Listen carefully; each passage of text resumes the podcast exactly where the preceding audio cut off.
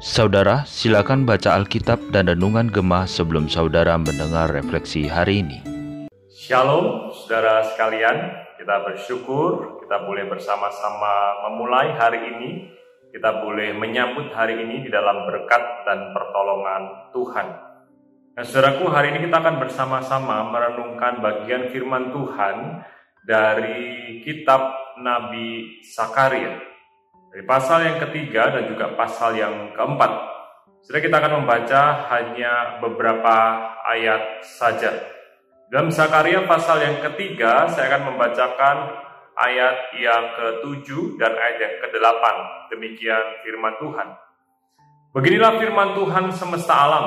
Apabila engkau hidup menurut jalan yang kutunjukkan dan melakukan tugas yang kuberikan kepadamu, maka engkau akan memerintah rumahku dan mengurus pelataranku.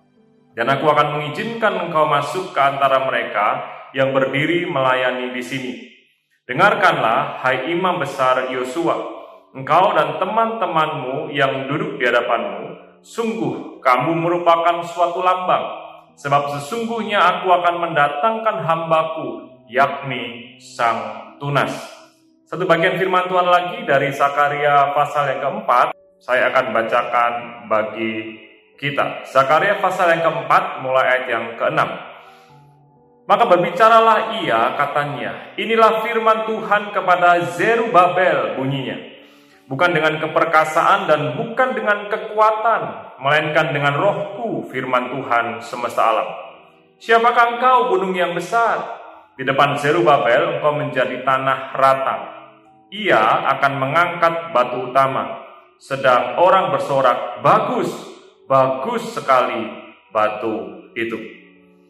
Nah, saudara, di dalam bagian firman Tuhan Zakaria pasal yang ketiga dan juga pasal yang keempat ini merupakan bagian di dalam rangkaian penglihatan yang dilihat oleh Nabi Zakaria yang diberikan oleh Tuhan kepada dia, yaitu dalam penglihatan yang keempat dan penglihatan yang kelima.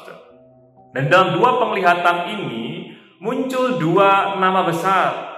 Yang pertama adalah imam besar Yosua atau Yosua bin Yosadak dan yang kedua adalah Zerubabel bin Sealtiel. Nah, saudara kalau kita melihat dua nama ini adalah dua nama yang tercatat di dalam kitab Hagai, di mana keduanya, satunya imam besar Yosua, satunya bupati Yehuda yaitu Zerubabel bin Sealtiel, adalah dua orang yang dipakai oleh Tuhan untuk kemudian bisa membangun bait Allah yang kedua dan mengembalikan ibadah umat Allah sama seperti apa yang Tuhan itu harapkan.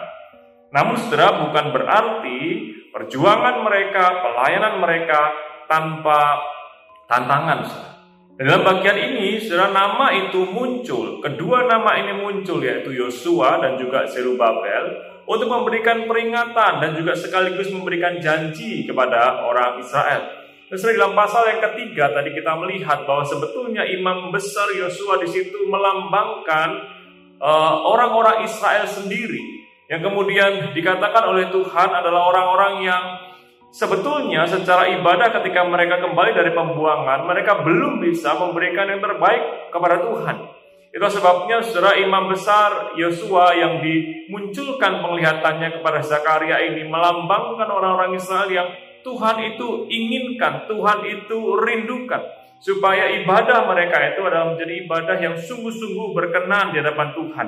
Sebab imam besar Yosua yang muncul dalam penglihatan Zakaria ini dikatakan imam besar yang memakai pakaian yang sangat kotor. Lalu kemudian Tuhan memberikan pakaian pesta kepadanya. Bahkan bukan hanya itu, saudara dikatakan pada bagian firman Tuhan ini, bahwa ketika nantinya umat Allah itu hidupnya berkenan kepada Tuhan, hidupnya sungguh-sungguh menyenangkan hari Tuhan, maka Tuhan bukan hanya menghadirkan imam besar Yosua yang seperti sudah mereka lihat, tetapi justru Tuhan akan menghadirkan hambanya sendiri, yaitu Sang Tunas, yang kemudian nanti dalam tahun-tahun berikutnya bahkan ratusan tahun sudah penantian akan nubuatan ini digenapi di dalam diri Yesus Kristus. Nah, saudara inilah yang Tuhan uh, sampaikan kepada Sakaria melalui penglihatan di mana dia melihat imam besar Yosua. Dan dalam pasal yang keempat, surah Zerubabel muncul. Zerubabel diangkat lagi oleh Tuhan melalui penglihatan. Tapi pada waktu itu dikatakan ada kandil emas yang dilihat oleh Sakaria. Di mana di situ kandil itu melambangkan saudara adanya cahaya, adanya sinar, adanya terang yang Tuhan nyatakan kepada umat Israel. Dan Zerubabel saudara Dikatakan sebagai seorang yang bukan karena kuatnya, bukan karena gagahnya dia bisa memimpin umat Allah. Tapi justru karena Allah sendiri yang mendatangkan kuat kuasanya. Dan terang yang dilambangkan kandil itu akan menyertai umat Allah. Dan sudah di pasal yang keempat ini ditutup dengan penglihatan kepada uh, Nabi Sakaria sudah dengan dua pohon zaitun di sebelah kanan dan sebelah kiri kandil yaitu dua pohon zaitun yang sekali lagi menunjukkan keberadaan dua hamba Tuhan ini yaitu imam besar Yosua dan juga Zerubabel bin Sealtiel dan kandil itu berdiri tengah-tengah sebagai sebuah perwujudan bahwa Allah yang adalah terang itu hadir di tengah-tengah umat Israel. Dan apa yang kita bisa pelajari lewat dua bagian pasal kitab Nabi Sakaria ini? Baik pasal yang ketiga maupun pasal yang keempat. Sesudah yang pertama, Tuhan tidak pernah berhenti untuk terus-menerus menyatakan dirinya melalui pemeliharaannya, melalui kepemimpinan dari orang-orang yang Tuhan berikan kepada umat Allah. Ada imam besar Yosua, ada Bupati Zerubabel bin Sealtiah. Nah, sudah sampai kemudian muncullah keturunan dari dua orang ini yaitu Yesus Kristus yang kemudian Tuhan nyatakan di tengah-tengah dunia ini untuk memimpin umat Allah sungguh-sungguh beribadah kepada Tuhan. Saya pertanyaannya apakah yang kita berikan kepada Kristus adalah merupakan wujud ibadah kita yang benar dan berkenan kepada Tuhan. Kalau Tuhan sudah nyatakan setiap pribadi yang hadir di tengah-tengah dunia ini sampai puncaknya kepada Yesus Kristus, apakah kemudian kita sudah mengikut dia dengan setia. Terus yang kedua, apa yang kita bisa pelajari pada bagian ini? Bahwa penyertaan Allah itu juga harus diikuti dengan respon kita yang benar.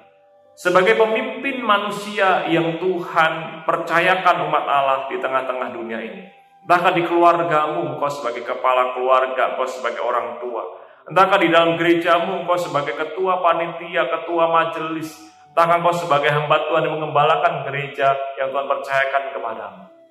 Apa kita sungguh-sungguh sudah hidup sama seperti apa yang Tuhan inginkan sebagai seorang pemimpin yang hidup di tengah-tengah umat yang Tuhan percayakan? Sudahkah kita menjadi teladan?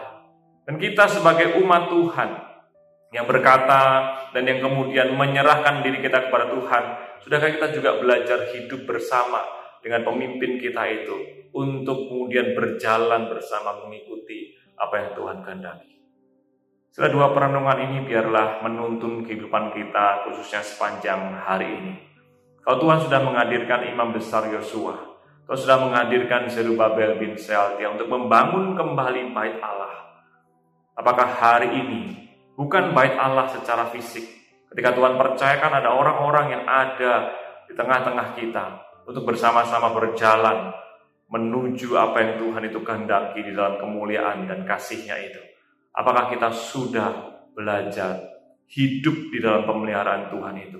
Kalau Tuhan terus nyatakan kasihnya kepada kita, bila kita juga terus belajar menyatakan kasih kita kepada Tuhan. Selamat menjalani hari ini, dan bila Tuhan terus menyertai kita, dan kita hidup di dalam pemeliharaannya yang kekal. Tuhan Yesus memberkati. Amin.